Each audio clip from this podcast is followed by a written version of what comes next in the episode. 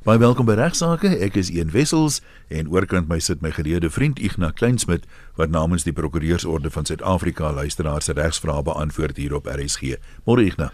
Goeiemôre Ian, môre luisteraars. Uh, dankie vir die voorreg om weer te kan deel wees van die program namens die Prokureursorde van Suid-Afrika en ons hoop jy gaan die program geniet. Eerstens 'n paar briefies uh, Ian wat ons gekry het. Hierdie een is vir jou gestuur. Ek sien is al 'n rukkie terug. Luister hoe julle praat oor arbeidswetgewing ek wil graag 'n vraag vra vir julle spesialiste. Ek is 'n bestuurder, sy word noem as ek sien nou sommer sy. Hy noem homself siek en sat of nee, anoniem bly. Ek is bestuurder op 'n plaas. Ek sit met 'n probleem dat van die werkers die hele tyd siek is.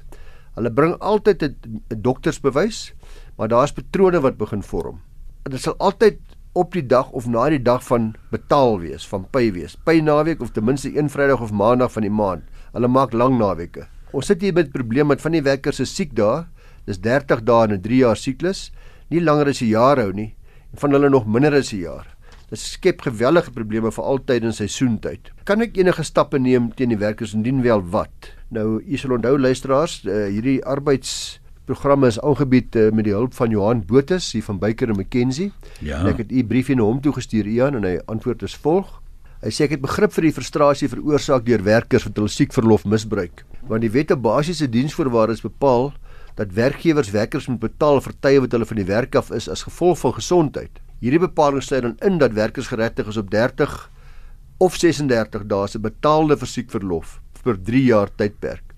Onder sekere omstandighede kan die werkgewer vereis dat die werknemers bewys van hulle mediese ongeskiktheid toon voordat die werknemers betaling vir hulle afwesigheid kan verkry.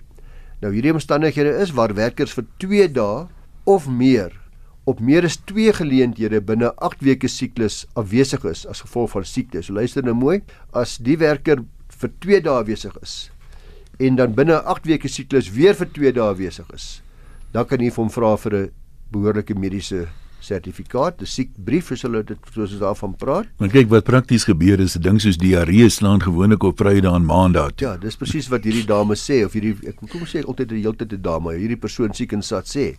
Nou hierdie maar nou is dit so ons hoor gereeld klagtes van besighede oor die gemak waarmee werkers hierdie mediese sertifikate bekom. Dis ook een van die beweringe wat gemaak word dat dit sommer net gegee word vir 'n klein bedrag geld. Nou werkgewers kan gerus onthou sê Johan Botus dat hulle nie goed moet hoef te aanvaar dat werkers nie medies geskik is vir werk net omdat hulle werkers hulle so meedeel nie. 'n Werkgewer wat vermoed dat daar werkers is wat hulle siekverlof misbruik, kan stappe neem om hierdie misdryf hok te slaan.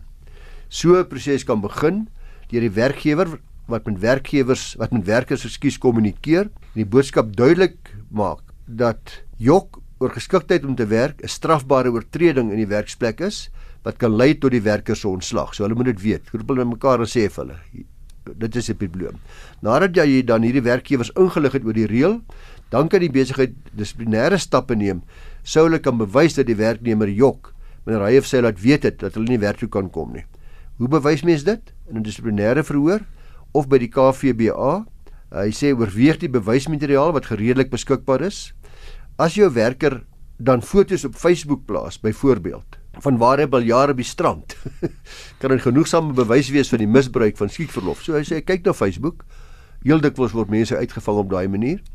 As iemand jou werker in die inkopiesentrum sien hardloop van een uitverkoop na die volgende, dan jy daardie getuienis van 'n ooggebruike van 'n ooggetuie gebruik. Dis ook wensbaar om die patrone van siekverlof te bepaal en te gebruik soos wat ons luisteraar ook gesê het, waar 'n werker soos klokslag siek is die dag na betaaldag, dan kan hierdie patroon gebruik word om te bewys dat daar siekverlof misbruik is. Waar die patroon nie klinkklaar is nie, maar verdag lyk, dan kan die bestuurder die werker inroep vir 'n gesprek en vra vir 'n verduideliking van hierdie verdagte patroon. So stap op, op sigself help om die werker twee keer te laat dink voor hy weer siekverlof misbruik, soos 'n bietjie afskrikwaarde. Die werkgewer kan ook die mediese dokter, dis belangrik hierdie vir my, hierdie deel. Daar niks verhoed jy om die mediese dokter wat die sertifikaat uitgereik het te kontak en die volgende vrae te vra nie. 1. Het jy hierdie pasiënt wat sê dat hy siek is gesien, het hy besoek? Het jy wel daardie sertifikaat uitgereik? Geskandeerde afskrif kan aan die dokter wat die sertifikaat dan bewering uitgereik het aangestuur word. En weer eens natuurlik, hierdie is 'n groot afskrikmiddel. as die dokter dalk kop in een mis is. Mm. So, jy word nou dopgehou meneer of mevrou dokter. Ek wil nou weet, het jy werklik besoek? Wat was die ensovoort? Wat is die uh uh omstandighede? Het gebeur dat werkers sulke sertifikate valslik bekom en indien die dokter dan ontken, uh, dan kan jy natuurlik dissiplinêre stappe teen hy werker neem met die dokter se getuienis. Uh en die werkgewer kan ook die mediese raad nader om te verseker of hierdie dokter wel praktiseer en geregtig is dus om sulke sertifikate uit te reik want daar's ook baie mense wat hulle self voordoen as dokters dan hierdie sertifikate uitreik vir 'n klein bedragie. Ons het by 'n vorige program redelik lank terug daaroor gepraat. Daar kan jy net weer daarbey aansluit. Die sogenaamde tradisionele geneesers mag hulle siektesertifikate ja, uitreik. Ja, daar's 'n baie bekende saak wat uh, alle regsleerders nou al van sal weet wat spesifiek gehandel het uh, met 'n oor daar naby Pretoria waar die vrou staatsgemaak het op 'n mediese sertifikaat van 'n tradisionele geneesheer en in daardie geval was sy ook verlof geneem het onder andere om te gaan opleiding kry as uh, een of ander sangoma of 'n ding. En daar het die hof gesê, daardie hof het dat die ons moet almal meer sensitief wees vir die gebruike en kultuurgewoontes van ander mense en dat 'n uh, sieknota of 'n mediese sertifikaat deur 'n tradisionele geneesheer net die, presies dieselfde krag het. Net so aanvaarbaar is soos die van 'n dokter. Dankie. Nou die werkgewer kan natuurlik ook die mediese raad nader om te verseker dat hierdie dokter wel praktiseer soos ek gesê het. Indien daar dan 'n uh, patroon is van sertifikate deur 'n spesifieke dokter in 'n streek. Dit het dit het ek al gesien gebeur. In ander woorde, daar word 'n uh, iemand het my al kom sien 'n klompie jare terug en gesê oor oor dieselfde dokter. Al die werkers gaan dan hierdie dokter toe. Maandag is almal siek en is 'n twee dae sertifikaat en dit en dat en uh, ons het daar die mediese raad gevra ondersoek in te stel na hierdie dat hierdie praktyk wat duidelike patroon gevorm het en uh, dit het sonder twyfel die gewenste effek gehad. So dit weer een enkele sertifikaat het my kliënt wat 'n werkgewer is van daardie spesifieke dokter gekry het. Mhm. Mm so die hof het dan ook bevestig, daar's gesag van die arbeidshof waarin 'n werkgewer die werkers laat weet het dat sertifikate uitgereik deur 'n spesifieke dokter nie verder aanvaarbaar sal word aanvaar sal word nie. Dit is ook in daai geval gedoen. Die hof het bevestig dat die werkgewer billik optree waar daar 'n vermoede van ongeoorloofde spel is, soos in hierdie geval wat ons luisteraar gestuur het. So luisteraar uh, net op te stom, daar's nie 'n maklike oplossing vir die misbruik van siekverlof nie. Dit verg aanhoudende bestuur van die werksmag. Hulle moet weet, daar moet kommunikasie wees. Hulle moet weet jy's 'n bietjie Sherlock Holmes. Hulle moet weet jy stel ondersoek in en om ook die dokter maar bietjie onder druk te plaas en die mediese raad te betrokke te kry en met homself persoonlik te praat of met haarself en dit behoort dan hierdie misdryf redelik te beperk. Ek kry maar soortgelyke misbruike van menslikheidsverlof ook hier. Daar's iemand dood en ons moet nou begrafnis hou. Weet nie of jy die storie gehoor het van die ou wat weer met sy ouma gaan begrawe nie. Toe sê die werkgewer, "Jong, maar dis nou omtrent die derde keer dat jy al gaan om jou ouma te begrawe. Hoeveel oumas het jy dan nou?" Toe sê hy, "Maar meneer, het meneer dan nie gehoor hoe amper het ons my ouma laas keer lewend begrawe nie?" Dis nog tyd, Ian. Ons kan 'n kortetjie nog doen. Lurika Elms sy sê dat uh, ek het twee belangrike vrae. Oupa laat vir pa vruggebruik van plaas erf. Dan sê sy punt 2 kinders uit die huwelik erf die plaas. 3 Pa verklaar homself meer as 20 jaar terug reeds insolvent en die vruggebruik word nou deur aan 'n nuwe persoon X verkoop. Die vraag is is X nou verantwoordelik vir grondbelasting, die ou wat die vruggebruik gekoop het? Tweedens sê sy B is daar's 100 000 rand plus uitstaande kragrekening op die plaas. My pa is 79 en ons vier erfgename wil die plaas na sy afsterwe verkoop. Vraag ontvang ek die advies. Klink bietjie ingewikkeld, maar ek het uh, soos gewoonlik maar weer vir uh, Volker Kreer en uh, gevra en saam met hom Janus wat daar by van Vel en Duffy ingelyf is en uh, hulle het vir my gaan ondersoek instel en hulle antwoord is volg. Hulle sê artikel 229 van die Suid-Afrikaanse Grondwet magtig 'n munisipaliteit om die alombekende erfbelasting te hef. Word beheer deur die Wet op Plaaslike Regering uh en Munisipale Eiendomsbelastingwet 6 van 2004.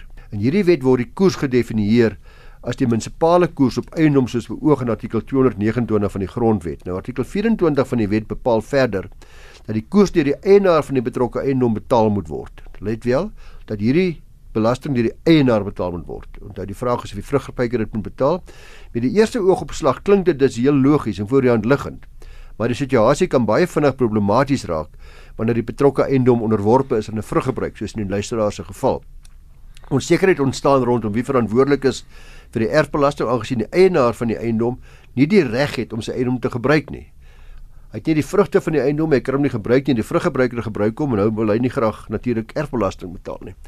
In die 1963 saak van Expart Standard Bank in Ry Estate Roger bepaal, ek gaan maar die verwysing gee want hom uh, kry gereeld prokureurs wat skakel vir die verwysing. 1963 en hakies 3 SA 683. 1963 en hakies 3, dis die hofverwysing SA 683.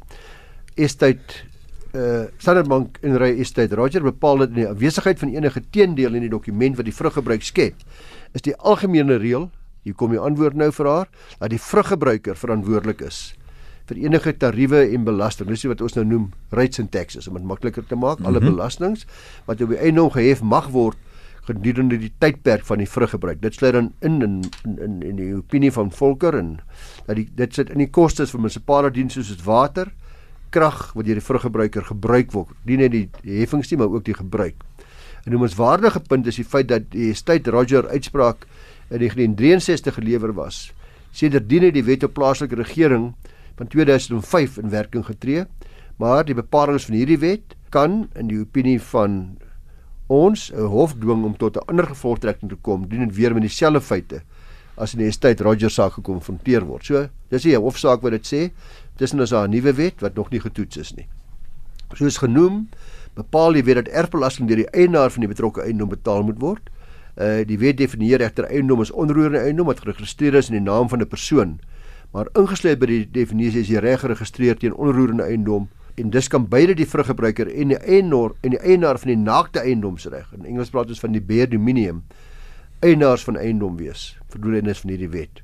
So dit skep uh die basis vir die argument dat beide die vruggebruiker en die naakte eiendomsreghouer afspreeklik gehou kan word vir erfbelasting. Aangesien die koers op die markwaarde van die eiendom bereken word, sal die argument lei dat die eiendom in waarde in beide partye se boedels het en dat beide partye dus pro rata aanspreeklik is vir die erfbelasting. In ander woorde die eienaar op die op die waarde minus die vruggebruikwaarde en die vruggebruiker op die vruggebruikwaarde. Dis nou wat erfbelasting betref. Artikel 46 van die wet skryf die riglyne voor vir die waardasie van die eiendom. Dit bepaal onder andere, dis vir almal van ons eiendomme belangrik, dat die markwaarde van die eiendom is die bedrag waarvoor die eiendom sou kon verkoop word indien dit op die datum van die waardasie in die openmark verkoop was deur 'n gewillige verkoper aan 'n gewillige koper. Die artikel bepaal verder dat enige lisensie, toestemming of ander voorreg uh, in oorweging gebring moet word wanneer die markwaarde bepaal word. 'n Ongeregistreerde huurkontrak ten opsigte van die eiendom sal egter nie die waarde daarvan kan beïnvloed nie, maar 'n langtermyn huurkontrak wat notarieel verlei is langer as 10 jaar sal wel. Ten spyte van hierdie argument sê Volker hulle sal die besissing in die estate Roger saak die toerenggewende gesag bly. Onthou hy sê die vruggebruiker is verantwoordelik.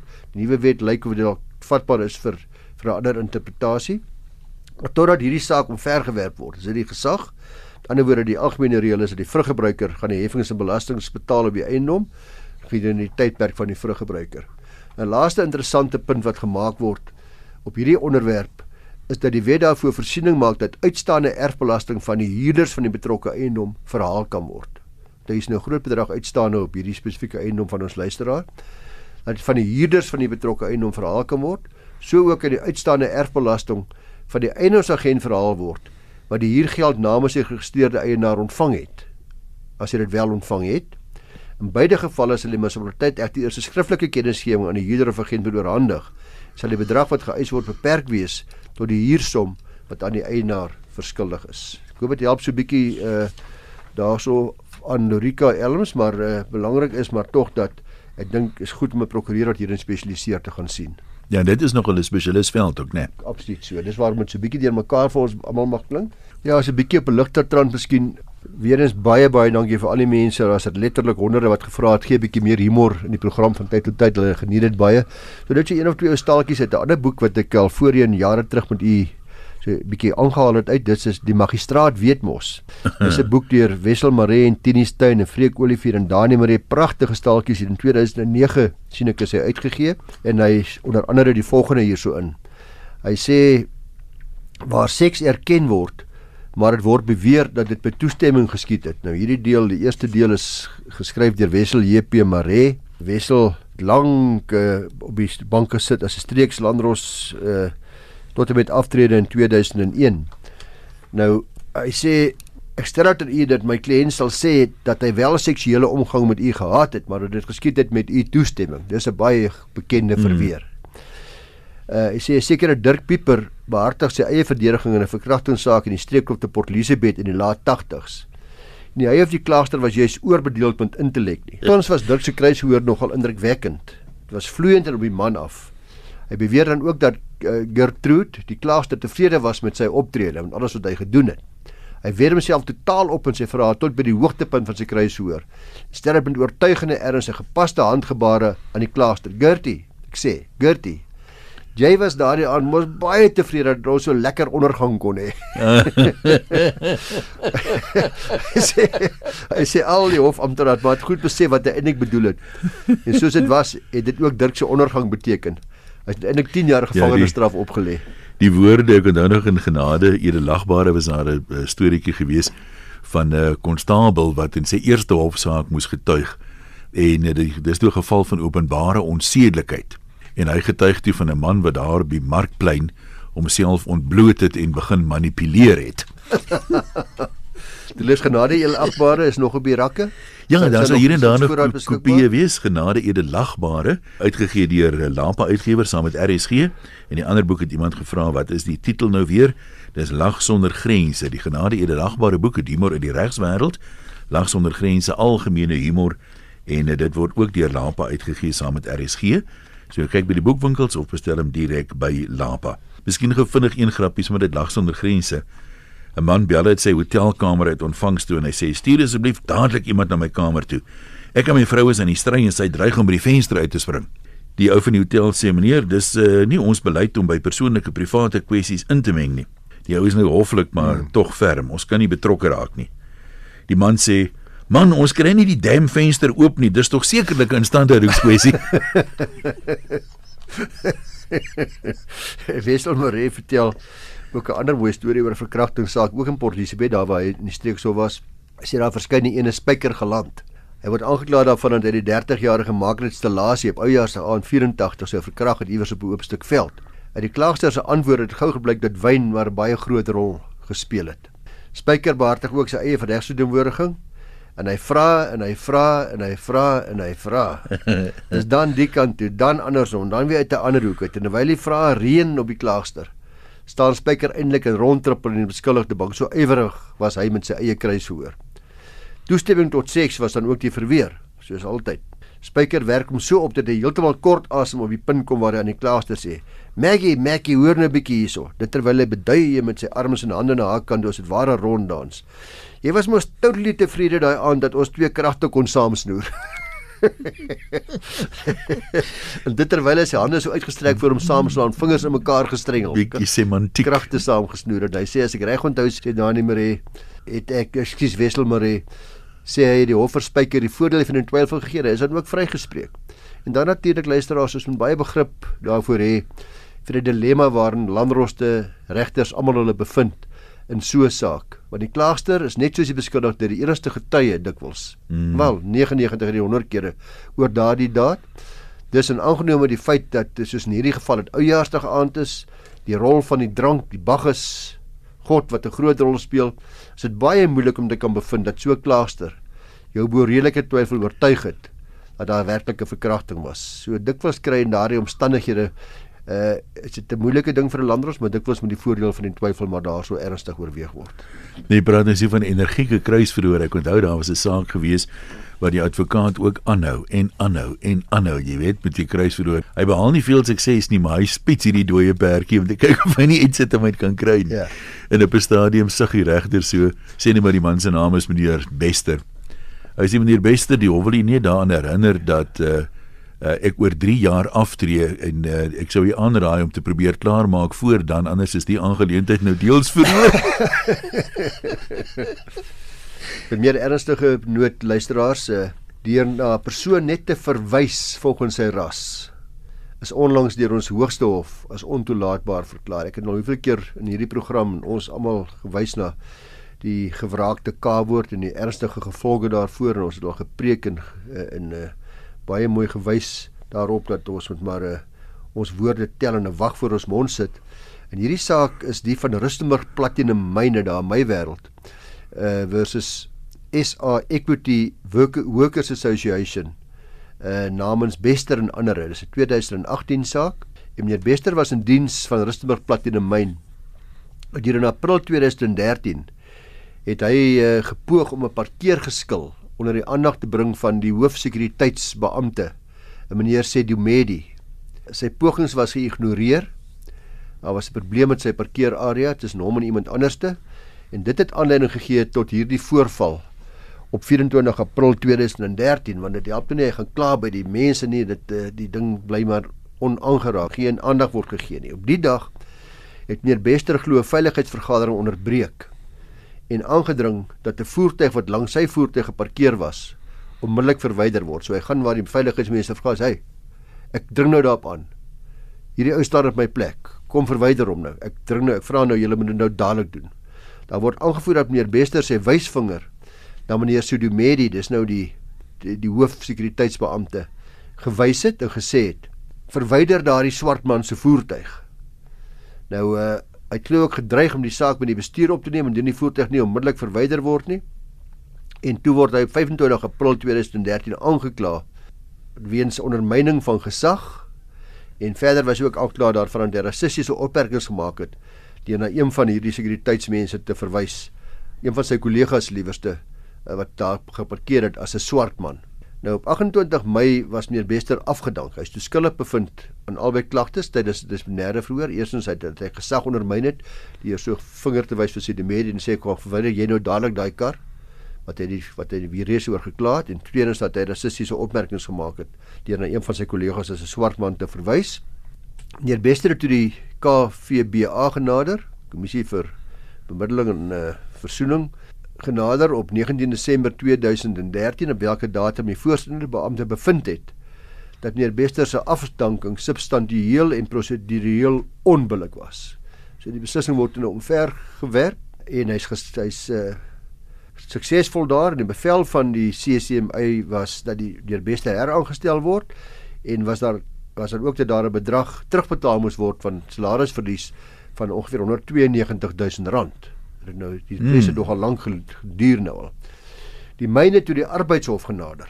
RPM met 'n tersydestelling van hierdie bevel van die KVBA gevolglik op 26 Januarie 2016 het die arbeidshof bevind dat die voorsittende beampte in die KVBA nie 'n behoorlike beslissing bereik het nie en so die hof dan ook die bevel van hierdie KVBA tersyde gestel en bevind dat meneer Bester se gedrag wel rassisties van aard was en dat sy optrede wel onmiddellike afdanking geregverdig het. Die verteenwoordigers van meneer Bester het daarna weer geappeleer hierdie keer dat die arbeidsappelhof toe. Dis die saak wat se verwysing ek gegee het. Uh waarin bevind is dat die arbeidshof nou weer hierdie arbeidshof wat nou waar uh -huh. teen appel aangeteken is 'n verkeerde toets toegepas het. Toe dit bevind het dat meneer uh, Bester se optrede rassisties van aard was en gevolglik is die bevel van die arbeidshof weer eens verander. Nou hierdie keer het die myn die beslissing dat die arbeidsappelhof op hulle weer weer gevat na die konstitusionele hof. Dis nou eintlik die beslissing waar wat ek nou nou die verwysing voor gegee het, jammer. Die vraag wat dan nou deur die konstitusionele hof beoordeel moet word, was of eerstens of om na 'n mede-kollega te verwys as 'n swart man binne die konteks van wat hier gebeur het. Dit as rassisties en vernederend gesien kan word en tweedens dit wel die geval is of sodoende gedrag afdanking regverdig. Nou die grondwetlike hof, die konstitusionele hof het bepaal dat die korrekte toets om toe te pas in 'n geval soos die is om te bepaal wat die redelike persoon in so 'n geval sal dink van die woorde swart man. Aan die ander wyse storm in en sê sê vir daai swart man hy moet sy kar verwyder of verwyder daai swart man se kar. Indien die redelike persoon wel sal dink dat sodoende gedrag rassisties en afbreekend is, sal dit in die aard van die saak afdanking regverdig. Die hof het spesifiek melding gemaak dat die redelike persoon die historiese agtergrond van Suid-Afrika verband met apartheid in ag sal neem en sal weet dat hierdie optrede heel moontlik as rassisties gesien sal word in 'n land soos Suid-Afrika met die agtergrond wat dit het. Die hof bevind dus finaal dat meneer Bester se optrede wel rassisties van aard was en ook dat hy geen poging aangewend het om verskoning te vra nie. Het hy ook deurentyd aangevoer dat hy nooit die woorde eintlik so gebruik het nie en hy is dan ook daarna finaal afgedank. So luisteraars uh, U mag almal mag nie saamstem nie. Maar dis die huidige situasie, dis die regsposisie, dis die ons hoogste hof. En uh of, ons sê maar net weer eens, wees asseblief baie versigtig om na 'n persoon te verwys uh met verwysing na ras. Nou dis alwaar vir ons gaan tyd hê. Ek sê vir jou baie dankie. Ons gesels volgende maandag weer.